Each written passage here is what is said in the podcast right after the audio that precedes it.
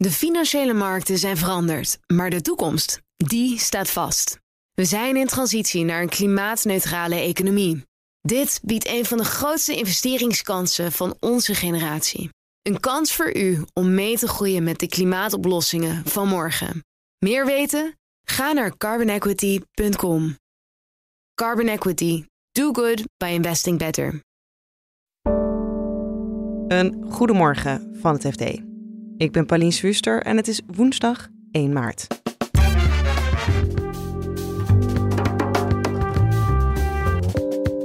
Netbeheerders zeggen: bedrijven, wen maar aan een wachtlijst voor elektriciteit. Ondernemers zijn niet blij. taak ligt bij jullie. Jullie hebben die uh, verantwoordelijkheid gekregen van het Rijk om te zorgen dat bedrijven op elektriciteit zijn aangesloten worden. Regel. Waar bij ons amper beursgangen plaatsvinden, hebben zakenbankiers het in het Midden-Oosten drukker dan ooit. De grootste beursgang die hier nu aan zit te komen is die van een dochterbedrijf van het staatsoliebedrijf van Abu Dhabi. Dat wordt de grootste beursgang dit jaar überhaupt wereldwijd. En Goldman Sachs organiseerde een dag om hun beleggers gerust te stellen. Maar dat lijkt niet gelukt te zijn. Eigenlijk in reactie op de plannen die allemaal werden gedeeld, daalde het aandeel meteen met 2%. Dus dat is uh, niet zo'n heel goed teken. Dit is de dagkoers van het FD. Idee is, bedrijven hebben een contract en dat is voordat ze altijd het maximale elektriciteit verbruiken dat ze, of als ze altijd het maximale verbruik zouden hebben. Maar in de praktijk staan machines ook niet 24/7 aan. Of een supermarkt is niet de, de hele uh, dag verlicht, is nachts staan, die ligt er gewoon uit. Um, dus dat je meer gaat kijken, oké, wanneer is de vraag op het net heel groot en kan jij dan niet jouw meest energieslurpende proces dan bijvoorbeeld in de nacht doen als de vraag wat minder groot is. Dus bijvoorbeeld uh, je elektrische waterpark opladen. En dan krijg je als vergoeding van ons, als jij er voortaan voor kiest om niet overdag, maar in de nacht al je elektrische vrachtwagens op te laden bijvoorbeeld. En dan kijk ze op zo'n manier, door er zo slim mee om te gaan, kunnen we weer wat ruimte op dat net creëren. Je hoort onze energieredacteur Eva Royers, die vertelt over het plan van netbeheerder Enexis om bedrijven flexibeler energie af te laten nemen. Want Enexis zegt: ons stroomnet zit overvol en bedrijven die willen uitbreiden, vergroenen of starten, komen op een wachtlijst. Dat is de nieuwe realiteit. Het is wel redelijk uitzonderlijk. Uh, vorige week hadden we natuurlijk wel al uh, Stedin, dat is ook een uh, regionale netbeheerder, die bij de jaarcijfers zei: we gaan het gewoon niet meer redden met steeds meer kabels neerleggen. Bedrijven moeten bijvoorbeeld ook flexibeler energie af gaan nemen. En je hoort al langer die geluiden van de netten raken vol, de netten raken vol. Maar dat Inexis nu zo duidelijk zegt van dit is gewoon de situatie, die blijft jarenlang zo en je bedrijf en jullie moeten er maar mee leren leven. Dat de wachtlijsten steeds langer worden voor nieuwe aansluiting, dat ze het zo hard zeggen, dat is wel opmerkelijk. En hoe kan het dan dat de netbeheerders toch een beetje overvallen zijn, terwijl ze ook al heel lang dit probleem aanzien komen? Ja, dat is natuurlijk een goede vraag, want je ziet natuurlijk al heel lang aankomen dat we in Nederland uh, en ook in Europa gaan moeten verduurzamen. Dus dat bedrijven overstappen van gas op elektriciteit. Maar het is gewoon zoveel sneller gegaan. Als jaren geleden dacht je dat het energieakkoord. En mijn hoofd hadden ze zoiets van, nou, we hebben zes of zeven jaar nodig hè, om uh, hier klaar voor te zijn. Maar door die oorlog in Oekraïne en de stijging van de gasprijzen is de vraag naar elektriciteit echt geëxplodeerd. Veel harder dan ze hadden zien aankomen. En ja, het neerleggen van kabels en het bouwen van elektriciteitsstations, dat duurt gewoon lang. Daar ga je jaren overheen. Dus dat kan je niet van de een op andere dag um, kan je niet een elektriciteitsstation neerzetten of al die kabel, kabels neerleggen. Daar ga je gewoon jaren overheen. Dat op zich hebben ze wel gelijk dat ze niet, dat ze er toch wel enigszins door overvallen zijn. Ja, maar het is wel een harde boodschap van, nou ja, die wachtlijst die is er, ga maar achterin de rij staan. Hoe wordt er dan tot nu toe op gereageerd?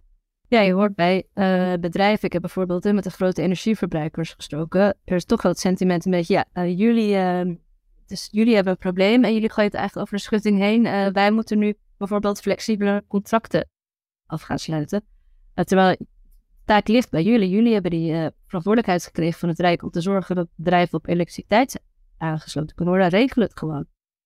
Die netbeheerders die zeggen dan, ja, als je wat flexibeler stroom afneemt, dan kunnen we in ieder geval nu de situatie nog iets langer houdbaar houden. Als zij meer geld zouden hebben, kunnen ze dan sneller toch weer investeren, waardoor dat niet nodig is? Het grappige is dat juist bij dit probleem geld is hier niet het probleem. Zeker niet bij Nexus. Die heeft uh, een dochsteronderneming volgend jaar dat een miljard heeft opgeleverd. Die hebben aandeelhouders die vaak wat uh, tegemoet willen komen. Extra investeringen. Dat is niet het grootste probleem. Ten eerste is het probleem toch die hele lange procedures. Dan heb je de personeelstekorten, materiaaltekorten. Dat zijn allemaal veel grotere problemen waardoor ze niet veel sneller kunnen.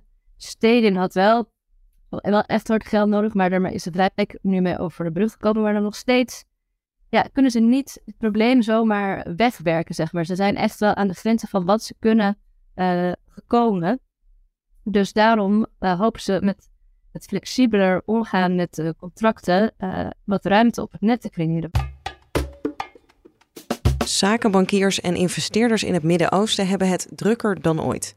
In Europa en Amerika drogen de beursgangen op, maar daar groeit het aantal fors. Alleen al in Saoedi-Arabië zouden zich momenteel 23 bedrijven voorbereiden op een beursgang. Correspondent David de Jong legt uit waarom. Nou ja, de olie- en gasprijzen zijn natuurlijk sinds een jaar enorm gestegen door de Russische invasie van Oekraïne. En ja, daar profiteren de golfstaten, met name Saudi-Arabië, eh, de Verenigde Arabische Emiraten en Qatar, enorm van. Want kijk, zij hebben al heel lang het plan om hun economie te diversificeren. En ja, nu is het perfecte tijd om dat te doen. Ze privatiseren staatsbedrijven, voornamelijk energiebedrijven, die brengen ze naar de beurs. En met het geld wat ze daarmee van investeerders ophalen, uh, ja, financieren ze de diversificatie van hun, van hun economieën. Dus door het in uh, toerisme te investeren, in vastgoedontwikkeling en projecten, uh, in retail, in tech. Eh, noem het maar op. Zolang zeg maar, natuurlijk het geld wat allemaal van energie komt en wat ook nog decennia lang hè, van, van fossiele energie ook binnen zal stromen, dat ze dat dus juist nu voor de ontwikkeling van, van andere industrieën kunnen, kunnen gaan gebruiken. Dus, dus ja, het, het geld klopt tegen de blinden en is het dus voor hun zowel voor investeerders hè, in het Midden-Oosten, in de golfstaten, uh, heel interessant, maar ook natuurlijk voor buitenlandse investeerders. Want ja, in Europese, want de Europese en, en, en Amerikaanse um, uh, aandelenmarkten vinden er helemaal op dit moment nauwelijks beursintroducties, beursgangen plaats. Ja, want verwacht ze dan ook dat er veel buitenlandse beleggers zijn met interesse daarin? Enorm. Saudi-Arabië heeft echt de afgelopen paar jaar een, een, hun aandelenbeurs enorm geopend voor um, voor buitenlandse uh, aandeelhouders. Ze willen dat nog verder doen. Want het was helemaal gesloten. Je kon als buitenlander tot vijf jaar geleden geen aandeel kopen op de Saudische uh, beurs in Riyadh. Um, dat is dus onder de huidige kroonprins, uh, de omstreden huidige kroonprins Mohammed bin Salman, uh, veranderd. Um, die heeft het opengesteld. Nou ja, en, en je ziet nu dat, dat institutionele investeerders uit Amerika, Europa, Azië, nu de miljarden naar het Midden-Oosten stromen. Ja, je zei net al omstreden kroonprins. Ligt dat nog gevoelig dat het toch nou ja, een omstreden regime is waar je dan geld heen stuurt? Nee, dat, dat merk je dat dat dus echt dat helemaal weg is eigenlijk. Hè? Kijk, Mohammed bin Salman werd na moord op Jamal Khashoggi, de Washington Post columnist, die door de Saudis vermoord is in de Saudische consulaat um, in uh, Istanbul was hij persona non grata. Uh, hè? En, en, iedereen, nou, niet iedereen trok zich terug uit, uit Saudi-Arabië, maar investeerders hielden zich een tijdje weg. Maar dat is al sinds eigenlijk al sinds 2020, eind 2019, is dat, is dat, helemaal, is dat helemaal weg. En zijn Amerikaanse investeerdersbedrijven, Europese investeerdersbedrijven, uh, ja, um, gaan allemaal naar Saudi-Arabië toe daar om meer um, business as usual eigenlijk doen alsof er niks gebeurd is. Dus dat is, dat is nu helemaal. En natuurlijk, eh, Saudi-Arabië bevindt zich, bevindt zich in een sterke positie. Olieprijzen zijn weer zijn enorm gestegen. Ze hebben ontzettend veel geld. Ze, ze, ze zijn ook niet meer zo onafhankelijk van de Verenigde Staten. Uh, dus ja, ze bepalen hun eigen koers. En dat legt zich geen windeieren. En dan gaan we naar New York. Zakenbank Goldman Sachs organiseerde daar voor de tweede keer in de 154-jarige geschiedenis een beleggersdag. Correspondent Lennart Zandbergen was erbij en legt uit waarom de dag werd georganiseerd. Het gaat niet zo heel goed met Goldman Sachs, in ieder geval op de beurs. het bedrijf heeft wat uit te leggen eigenlijk. En waar het dan vooral om gaat is, nou ja, de winst blijft een beetje achter. Er is heel veel geld geïnvesteerd in een consumentenbank. Goldman Sachs waar niet meer alleen maar voor de ultra-rijken zijn en niet alleen maar meer voor de bedrijven zijn die naar de beurs willen of die een fusie willen maken. Maar het bedrijf wil ook juist wel echt zijn inkomsten verbreden eigenlijk. Door ook veel meer geld te verdienen aan uh, ja, de gewone consument, de gewone, uh, de gewone man op de straat. En wat was nu dan de belangrijkste boodschap? Nou, de belangrijkste boodschap is eigenlijk dat ze daar niet meer zoveel mee gaan doen. Dat werkte toch niet zo heel goed als dat het bedrijf had gedacht. In de woorden van uh, de topman was het zelfs zo dat ze gewoon te veel, te snel en tegelijk hebben willen doen. En dat daar gewoon fouten zijn gemaakt. En dat was toch wel pijnlijk, want het is precies die CEO die hier juist ook zoveel in heeft geïnvesteerd. En het juist zo belangrijk vond om daar veel in te investeren. En nu is de boodschap eigenlijk juist van oké, we gaan weer veel meer richten op vermogensbeheer. En dus uh, ja, eigenlijk gewoon het uh, toch weer de focus verleggen op de wat rijkere. Ja, maar de fusies en overnames en de beursgangen, dat blijft nog steeds minder een focus. Nou, dat is natuurlijk wel gewoon het grootste deel van het geld dat, uh, dat Goldman Sachs verdient. Dat komt wel daaruit. dat wordt wel ietsje minder relatief gezien. Dat, dus het deel van de taart dat, dat de vermogensbeheer krijgt, dat gaat wel groeien. Maar het ding is vooral dat beleggers houden er niet zo van als een bedrijf, en Goldman Sachs is natuurlijk ook gewoon een bedrijf, hele volatiele inkomsten heeft. Dus dat het ene jaar heel hoog is en het jaar erop weer wat lager en dan weer heel hoog en dan weer... Dus al die pieken en dalen, ja, beleggers vinden dat niet zo voorspelbaar, dat vinden ze niet fijn. En ja, juist die, die, die zakenbankdingen, maar heel erg afhankelijk van ja, de economische situatie en de situatie op de beurzen. Dus uh, nou, je zag bijvoorbeeld in 2021 hadden ze een topjaar. En vorig jaar uh, ja, was het eigenlijk gewoon heel erg slecht. En vermogensbeheer is gewoon wat stabieler. En uh, daarom willen ze ook op die manier iets meer stabiliteit voor de, voor de beleggers bieden. Ja, en heeft de topman hiermee de beleggers ook een beetje gerustgesteld? Ja, daar lijkt het vooralsnog niet op. Eigenlijk in reactie op de plannen die allemaal werden gedeeld, daalde het aandeel meteen met 2%.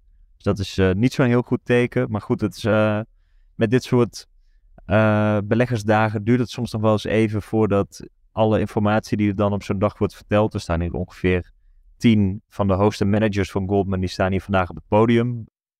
Er zijn ongeveer 100 journalisten, analisten en grote beleggers bij elkaar gekomen.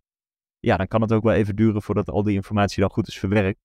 Maar het lijkt er in eerste instantie niet op dat dit uh, heel positief uh, wordt ontvangen.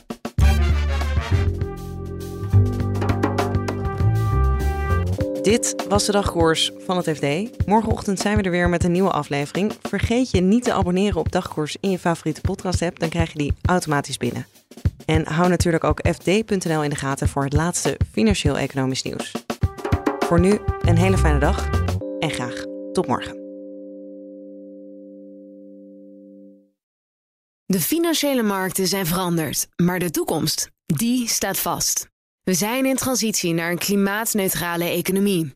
Dit biedt een van de grootste investeringskansen van onze generatie. Een kans voor u om mee te groeien met de pioniers van morgen. Meer weten? Ga naar carbonequity.com. Carbon Equity. Do good by investing better.